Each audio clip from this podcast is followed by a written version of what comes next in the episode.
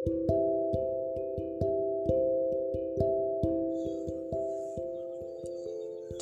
legenda Indonesia Timun Mas Pada zaman dahulu hiduplah sepasang suami istri petani. Mereka tinggal di sebuah desa di dekat hutan. Mereka hidup bahagia. Sayangnya, mereka belum bisa dikaruniai seorang anak. Setiap hari mereka berdoa kepada Yang Maha Kuasa. Mereka berdoa agar segera diberi seorang anak. Suatu hari, seorang raksasa melewati tempat tinggal mereka. Raksasa itu mendengar doa suami istri tersebut. Raksasa itu kemudian memberi mereka biji mentimun.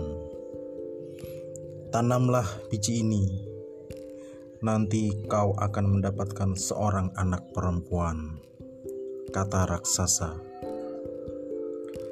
Terima kasih, raksasa, kata suami istri itu. Tapi ada syaratnya. Pada usia 17 tahun, anak itu harus kalian serahkan kepadaku, sahut raksasa. Suami istri itu yang sangat merindukan seorang anak, tanpa berpikir panjang, mereka menyetujuinya. Suami istri petani itu kemudian menanam biji-biji mentimun itu. Setiap hari mereka merawat tanaman yang mulai tumbuh itu dengan sebaik mungkin. Berbulan-bulan kemudian tumbuhlah sebuah mentimun berwarna keemasan. Buah mentimun itu semakin lama semakin besar dan berat. Ketika buah itu masak, mereka memetiknya. Dengan hati-hati, mereka memotong buah itu. Betapa terkejutnya mereka.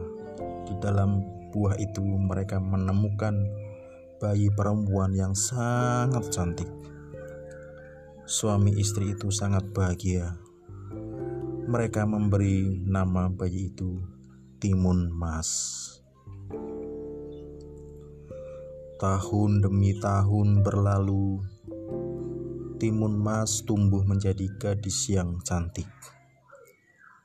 Kedua orang tuanya sangat bangga padanya, tapi mereka menjadi sangat takut karena pada ulang tahun Mas Timun Mas yang ke-17, sang raksasa datang kembali. Raksasa itu menagih janji untuk mengambil timun mas. Petani itu mencoba tenang. Tunggulah sebentar, timun mas sedang bermain. Istriku akan memanggilnya, katanya. Petani itu segera menemui anaknya. Anakku, Ambillah ini, katanya sambil menyerahkan sebuah kantung kain. Ini akan menolongmu melawan raksasa. Sekarang larilah secepat mungkin, katanya. Maka Timun Mas pun segera melarikan diri. Suami istri itu sedih atas kepergian Timun Mas tapi mereka tidak rela kalau anaknya menjadi santapan raksasa. Raksasa menunggu cukup lama, ia menjadi tak sabar. Ia tahu telah dibohongi suami istri itu. Lalu ia pun menghancurkan pondok petani itu dan ia mengejar timun mas ke hutan.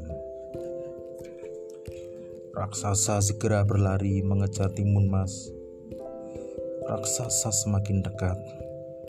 Timun Mas segera mengambil segenggam garam dari kain kantungnya. Lalu garam itu ditaburkan ke arah raksasa. Tiba-tiba sebuah laut yang luas pun terhampar. Raksasa terpaksa berenang dengan susah payah. Timun Mas berlari lagi Tapi kemudian raksasa hampir berhasil menyusulnya. Timun Mas kembali mengambil benda ajaib dari kantungnya.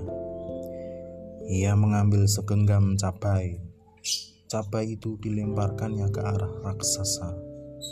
Seketika pohon dengan ranting dan duri yang tajam memerangkap raksasa. Raksasa berteriak kesakitan, sementara Timun Mas berlari menyelamatkan diri. Tetapi raksasa begitu kuat, ia lagi-lagi hampir menangkap Timun Mas. Maka Timun Mas pun mengeluarkan benda ajaib ketiga. Ia menebalkan biji-biji mentimun ajaib. Seketika tumbuhlah kebun mentimun yang sangat luas raksasa sangat letih dan kelaparan. Ia pun makan mentimun-mentimun yang segar itu dengan lahap, hingga raksasa itu pun tertidur. Timun Mas kembali melarikan diri. Ia berlari sekuat tenaga, tapi lama-kelamaan tenaganya habis, dan lebih celaka lagi raksasa itu telah terbangun dari tidurnya. Raksasa lagi-lagi hampir menangkapnya. Timun Mas sangat ketakutan. Ia pun melemparkan senjatanya yang terakhir, segenggam terasi udang. Lagi-lagi terjadi keajaiban. Sebuah danau lumpur yang luas terhampar. Raksasa pun terjerembab ke dalamnya. Tangannya hampir menggampai timun mas, tapi danau lumpur itu menariknya ke dasar. Raksasa panik, ia tak bisa bernapas, kemudian tenggelam. Timun Mas lega, ia telah selamat. Timun Mas pun kembali ke rumah orang tuanya. Ayah dan ibu Timun Mas senang sekali melihat Timun Mas selamat. Mereka menyambutnya.